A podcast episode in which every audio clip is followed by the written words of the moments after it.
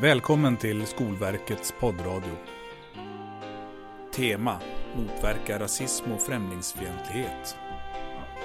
Det här samtalet är ett exempel på hur man kan prata om frågan. Lyssna och fortsätt diskutera på er skola.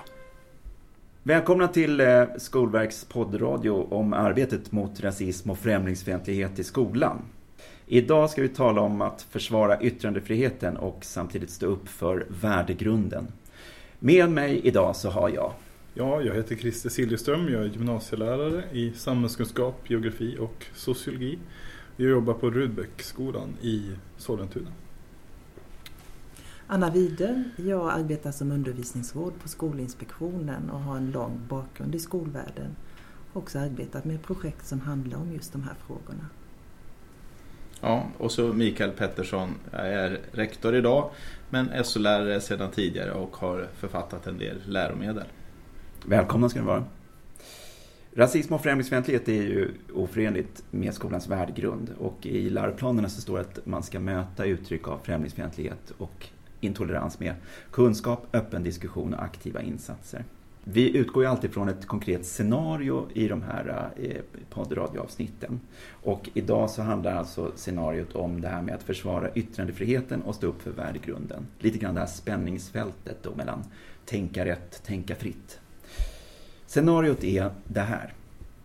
En elev är aktiv i en extremt nationalistisk grupp som vill stoppa invandringen av alla människor utanför Norden, eh, eller utanför Europa. Flera andra elever i klassen tycker att sådana här åsikter borde förbjudas. Anna, vad tänker du om scenariot? Jag tänker att det är intressant ur flera aspekter. Dels tror jag att det här händer och dels har ju den här skolan fördelen att det ligger på bordet, det är öppet. Här finns det en elev som står för någonting och elever som står för att man ska förbjuda denna elevs åsikter. Och jag tycker det är intressant att eh, både vad den eleven står för och tanken att man kan förbjuda åsikter och att den här skolan har lyckats med att få upp det på bordet ger ju goda förutsättningar för att arbeta med det. Just det, för det är inte alla gånger som eh, man faktiskt vet om att det kanske är just så här som det pågår. Mm. Nej, det är ju nästan ett privilegium när det råkar hända i klassrummet för då får man möjligheten att arbeta med det. Mm. Mm. Eh, Mikael, vad, vad, tänker du om scenariot? Är det ett relevant scenario tycker du? Jag tycker att det är ett relevant scenario. Kanske lite tillspetsat men eh, jag tror ju faktiskt att alla åsikter finns och då är det faktiskt bra att de kommer fram så att man kan diskutera dem. Och bara, bara det att en elev vågar uttrycka en sån här åsikt gör ju att ja, det kan finnas en god grund för, ett, eh, för en bra diskussion. Och jag tycker att man ska ta tillfället i akt då när det är en fråga som suger till i maggropen, då ska man passa på. Mm. Eh, men vi, vi ser ju ändå i olika rapporter och studier att det också blir utmaningar för skolans personal och kanske i synnerhet lärare i form av det här med att, att eh, leda de här samtalen. Ibland så ser man i studier att, att lärare också backar ibland. Och det, man känner utmaningar i att, att hantera de här situationerna av, av olika skäl. Så. Men, men eh, vilka utmaningar ser ni att, att skolan har då i, utifrån ett sånt här scenario? Va, vad säger du Christer? Ja, jag tänker att det, det är en utmaning mm, och att det därför är så viktigt att ta den utmaningen. Och jag tänker att jag som lärare står ju för skolans värdegrund. Jag ska förmedla en demokratisk världssyn och ja, fostra demokratiska medborgare om man så säger. Då är det ju väldigt viktigt att jag står upp för det som är mänskliga rättigheter. Och kanske inte minst för tredje part, alltså den som sitter där i klassrummet och inte vet vad den ska tänka och tycka och yttrandefriheten också är väldigt mycket att värna minoriteters eh, rättigheter. Att eh, visst, du ska få säga vad du vill, men yttrandefriheten kommer ju också till därför att vi ska kunna kritisera överheten och makten uppåt, inte egentligen för att vi ska kunna sparka neråt. Det är en utmaning då hur jag möter den här eleven. Vi brukar prata med mina kollegor om att vi, vi kan så ett frö att värna eh, värdegrunden, inte backa, för skolan är inte värdeneutral. Mm. Att också problematisera kring, kring yttrandefriheten, liksom inte den här föreställningen luften är fri, att man liksom bara för att det är yttrandefrihet så har man inte rätt att kränka liksom sådär mm. medvetet. Ja.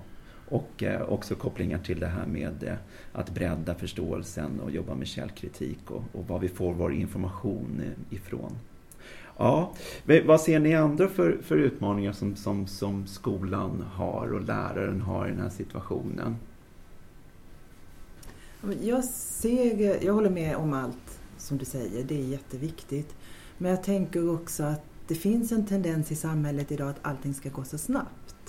Värdegrunden måste försvaras hela tiden, kontinuerligt, varenda dag i skolan. Och att påverka vilken eh, värdegrund en elev har, det är inte quick fix utan det handlar om ett lång, långsiktigt arbete. Så när man hör det här caset så ser man situationen framför sig, den lektionen. Men det handlar inte bara om den lektionen utan det handlar om vad har skolan för långsiktigt arbete? Ser man värdegrunden som någonting som man arbetar med på temadagar, man kanske har livskunskap eller hur man nu har lagt upp arbetet. Då kan det ju vara väldigt svårt men om det här arbetet ses som en del av skolans totala arbete och genomsyrar verksamheten hela tiden, inte bara på SO-lektionerna utan matte, fysik och så vidare, då tror jag att det, det finns större möjligheter att nå framgång. I alla fall tänker jag att, att inte se det som quick fix, låta det här arbetet genomsyra verksamheten hela tiden och se till att de vuxna tar ansvar för det arbetet. Det tycker jag är centralt. Jag tänker mycket på det här också att om man utgår från det här scenariot så måste man också möta eleven där den står och vad den säger är ju inte alltid vad den menar eller vad den står utan jag tror att man har en, en uppgift där som lärare att faktiskt förstå vad står det här för. Är det en positionering gentemot en grupp? Är det ett liksom identitetssökande? Är det provocerande? Eh, är det en fråga? Eller tycker man det här på riktigt? Och lite beroende på vad man, vad man liksom lyckas klura ut där så får man väl ta insatserna därefter. Skulle jag vilja säga. Hur som helst tror jag att det är viktigt att inte valla in elever i, i olika fack. Jag, tror, jag tänker mycket på liksom det här med språkbruket blir viktigt. Alltså vem identifierar sig som rasist till exempel. Men skulle man lyssna på liksom debatten så är det väldigt mycket som, som ska betraktas som rasism. Och om man då liksom inte är noga med hur man använder begreppen då finns det stor risk att man låser diskussionen. Utan man måste nog titta på vad begreppen verkligen står för och sen hjälpa eleven att faktiskt tänka själv utifrån begreppen, vad de betyder och utifrån olika principer och utifrån fakta. Men hur gör man det då samtidigt som man ska värna tredje part som Christer är inne på här och hålla det här öppna samtalet i liv och undersöka det ihop inom ramen för undervisningen? Jag, jag, tror så här att det är väldigt svårt att skydda sig från verkligheten. Men verkligheten menar jag då att det här som jag var inne på inledningsvis, nämligen att alla åsikter finns. Och för att en åsikts uttryck, visst kan den upplevas som kränkande, men när diskussionen kommer igång så kan man också få en ökad förståelse för varandra. Eh, så eh, de som ger uttryck för de här sådana här åsikter, de känner sig ofta inte så himla stora själva heller. Så att eh, det är en ganska komplex fråga men jag tror också att man måste tänka på vilka forum man väljer. För är det en väldigt eh, är det liksom en sådan dynamik i klassrummet att eh, den här eleven som uttrycker det här får igång några andra elever. Då vet man att det enda vi skapar genom den här diskussionen just nu det är en ökad polarisering. Så man måste också tänka lite grann på vad är det för forum jag väljer. För jag har ju en uppgift som lärare och som rektor ska jag säga, att eh, jag måste hålla en god relation med allihopa. Så jag måste fortsätta att kommunicera. Oavsett vad jag tycker och vad den andra tycker så måste jag hålla igång det här. För det är det, är det långsiktiga som leder någon vart. Mm. Det håller jag helt med om. Men jag tänker också att det är väldigt olika vilken relation olika lärare har till eleverna. Kanske man skulle våga vara lite ärligare med det på skolor att just det här samtalet med just Kalle eller Eva eller vad hon heter kanske du Christer ska ta för du har god relation med eleverna. Att man inte låtsas som att, för det här är ju också ett relationsbyggande. Mm. Jag ser att påverka elevers värdegrund och inställning till andra människor. Det kan inte jag göra om jag inte själv har en god relation till den eleven, den vågar lita på mig. Så det är lite komplicerat, det är både och. Det är både det här arbetet som ska genomsyra hela tiden och att det ibland kan vara nödvändigt att det är personer som har en väldigt bra relation till eleverna som arbetar med frågan. Så tänker jag också, det är väl lite det du nämnde mycket, men att man kanske ska diskutera själva åsikten och inte det farliga i att etikettera personen. Istället att man pratar om själva åsikten i sig. Mm. Eh, I relation till värdegrund och mänskliga rättigheter och yttrandefrihet. Och vad gör det här med andra människor när jag säger de här sakerna eller de här åsikterna eller vad att man eh, inte stämplar folk.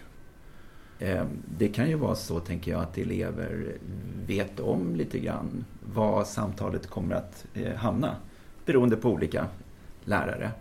Och att man då inte uttrycker åsikter som man kanske skulle ha gjort i, i korridorer eller i skolgården. Sådär det kan väl också utgöra en utmaning då?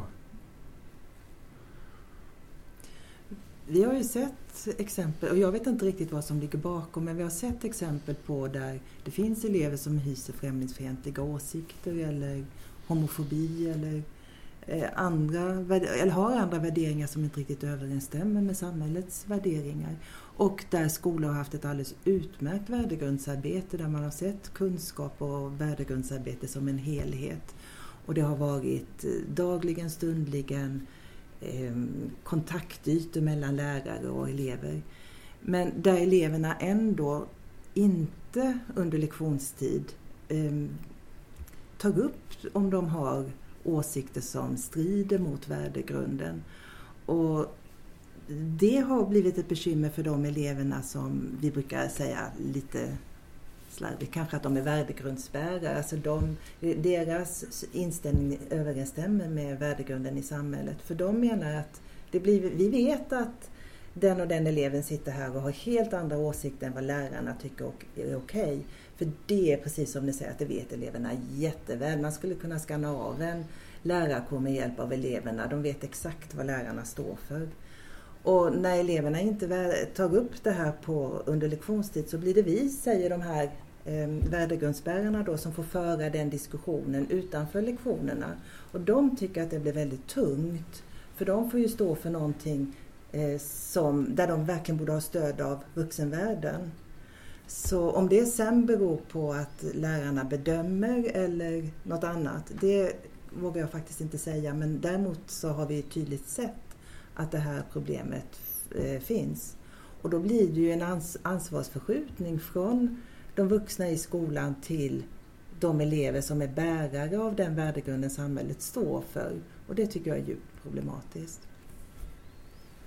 Jag skulle vilja spinna vidare på det här, för jag tycker att, att uttrycka en åsikt det kan vara en sak, men det är också sättet som den uttrycks på som, mm. Eh, som kan ställa till lite problem i klassrummet. Eh, för jag menar, eh, en värdegrundsbärare som vi pratar om här, ja de skulle kunna uttrycka den på ett ganska nedsättande sätt faktiskt. Och då ligger det ju faktiskt i strid med värdegrunden på sätt och vis. Eh, jag tror att läraren får en jätteviktig roll här, nämligen att sätta ord på hur uppfattas de här olika uttrycken som, eh, som sägs i klassrummet. Så den här eleven i exemplet eh, om det blir, möts med tystnad eller med ilska, då kommer läraren att behöva förklara varför reaktionen är som den är och hur det kan uppfattas och varför det tar sig de uttryck det tar. För det där har ju inte ungdomar riktigt koll på. Alltså. Och upplevelsen då, om man, om man tänker att, att eh, vi talar ju lite grann både så här kapitel 6, eh, arbetet mot kränkande behandling här, men också värdegrunden då. Eh, då är det väl att just konkretisera, tänker jag. Om, man, om vi tar värdegrundssidan, alltså det här i, i påståendet här, då kommer man ju in på att vi måste tillsammans förstå det här med alla människors lika värde eller kanske solidaritetsbegreppet kopplat till, till flyktingströmmar. Eh, men också i kränkningsbegreppet, upplevelsen av kränkningen då. Eh, som ju är det som är föremål för, för arbetet enligt kapitel 6. Om en elev upplever att ens värdighet är, är, är kränkt. Men att det är ju förstås en, en grannlaga uppgift som skolpersonal att, precis som du säger Micke, att, att tolka det där och sätta ord på det för att värna tredje part, som, som du säger Christer. Att, att, att synliggöra att här, när du uttrycker det på det här sättet så strider det mot skolans värdegrund därför att och också så att det kan upplevas som kränkande för, för elever på, på den här skolan. Jag skulle också vilja säga det om, om kränkningarna. Eh, det gäller ju att det inte blir så att alltså, först kränkt vinner. Utan man måste på något sätt eh, hitta en liten, liten broms i den här i känslostormen som, upp, som, som finns hos en elev. Så att diskussionen kan liksom fortsätta och komma igång. Kan det vara så att en elev kan uppleva en kränkning i, om den här eh, diskussionen som scenariot föreskriver kommer upp i, en klassrumssituation? Men att, att läraren som leder eh, diskussionen är, är, tydlig med värdegrunden och att det blir en, en, en diskussion att, i ett öppet samtal där den här upplevelsen av kränkningen initialt hos en elev kan vridas till att man ändå Ja, jag känner mig fortfarande kränkt men det, det, det känns lite bättre för att jag märker ju att eh, vi är en majoritet här som står upp för skolans värdegrund och att vi har en lärare som ansvarar för att verkligen värna den och, och tydliggöra den. Eller är det ju bara en ideal, idealtypsamtal? Eller? Fast jag tror att man ska komma ihåg att de här eleverna är kränkta ändå. Det blir lite grann som när man pratar om nätmobbning att vi vill gärna att det är något som föregår där borta. Men de här eleverna som är utsatta för kränkningar när det gäller främlingsfientlighet, det pågår ju hela tiden. Och då är det ändå en bonus, vill jag med en dåres envishet hävda, när det kommer upp på lektionstid. Därför att då har du möjlighet som vuxen att agera. Och sen tänker jag också att nu pratar vi lite grann om värdegrunden som någonting som vi säger. Eh, ja, på slutet av lektionen kanske vi ska knyta ihop säcken och så ska vi säga rätt saker. Men värdegrunden är ju något vi lever och jag tänker att när lärarna möter eleverna i det här svåra samtalet, då är det också hur man möter och hur man för samtalet som är vad vi förmedlar som värdegrund. Och så vill jag bara knyta tillbaks till det här med quick fix, att det är klart man inte fixar det på en lektion. Och du har inte bara en lektion på dig, du har en ganska lång tid med de här eleverna. Så lite hur man pratar om det, att det kanske inte blir rätt varenda lektion. Det viktiga är att det blir rätt så att säga i det långa perspektivet. Jag tänker faktiskt så här om, om det som sker i klassrummet att inte förutsätta direkt att massa människor där inne kommer att känna sig kränkta. Alltså det, vi skulle nästan kunna vrida det till att använder man värdegrunden på fel sätt då kommer vi kränka människor. Det handlar ju också om hur det här framförs. Så att jag jag, jag tror att det är samma som att känna en känsla, en ilska, en avsky, eh, en irritation. Det innebär ju inte automatiskt att man är kränkt. Alltså, kränkthetsbegreppet kan också vara ett så här, en blöt filt på diskussionen. Eh, utan jag tror att här måste man vara så pass skicklig så man kan läsa av sin, sin klass. Det är klart att eh, varje lärare kommer att missa någon elev någon gång men att man läser av stämningar, ansiktsuttryck efteråt. Har man märkt att det hettar till på ett, på ett eh, sätt som inte kändes bra då får man försöka ta upp det med de eleverna efteråt och kolla, var det här okej okay för dig? Det finns ju också på ett sätt kan jag tycka i skolans värdegrund, alltså människolivets okränkbarhet, individens frihet och integritet, alla människors lika värde, solidaritet och jämställdhet mellan människor. Där finns det ju inbyggt, precis som också i regeringsformen, att det finns det här spänningsfältet. Friheten där, individens frihet och den här grundlagsskyddade rätten till, till yttrandefrihet i linje med fri opinionsbildning. Men att det finns de här värdena, eh, att också rätten till liksom skydd mot kränkande behandling eller regeringsformen som liksom kopplingar till diskrimineringsgrunderna. Det är ju ett inbyggt spänningsfält i demokratin och det här dilemmat eh, i vår grundlag men också i skolans eh, värdegrund. Som man då som skolpersonal faktiskt behöver hantera tillsammans. Eh, för att vi tror på att i den hanteringen så, är det, så gör vi demokrati. Att liksom jobba med det spänningsfältet gör barn och elever bättre rustade sen att ta en aktiv del i demokratin. Att det ligger inbyggt en tro på att, att det här spänningsfältet faktiskt behövs för en hållbar demokrati. Ja, jag skulle vilja säga det, det enda som finns kvar då det är ju på något sätt samtalet. Eh, och sen vilka ingångsvärden finns i det här samtalet. Ja, då finns det det som är värdegrunden som skolan är, är ålagd att stå för. Och sen så finns det, och det här behöver inte vara i konflikt med värdegrunden ska jag väl säga. Eh, sen finns det fakta, begrepp, åsikter. Det här måste in i samtalet. Det är väl då vi kan närma oss demokrati, tänker jag. Mm, men jag tror också att det är viktigt att man inte bara arbetar reaktivt på det man vet utan att man är väl medveten om att troligtvis finns de här eh, samhällsproblemen och strömningarna, om det nu är ett problem, i vår verksamhet också även om vi inte ser det. Jag tycker just det här med samhällsproblemen, alltså skolan som spegel av samhället, den måste man alltid bära med sig. Så om det är så att det finns eh, svårigheter och problem i samhället, då vet vi att de finns i skolan också. För, för verkligheten kommer ju ingen undan. Men man kan bemöta den och man kan förebygga de, en del av uttrycken. Bra.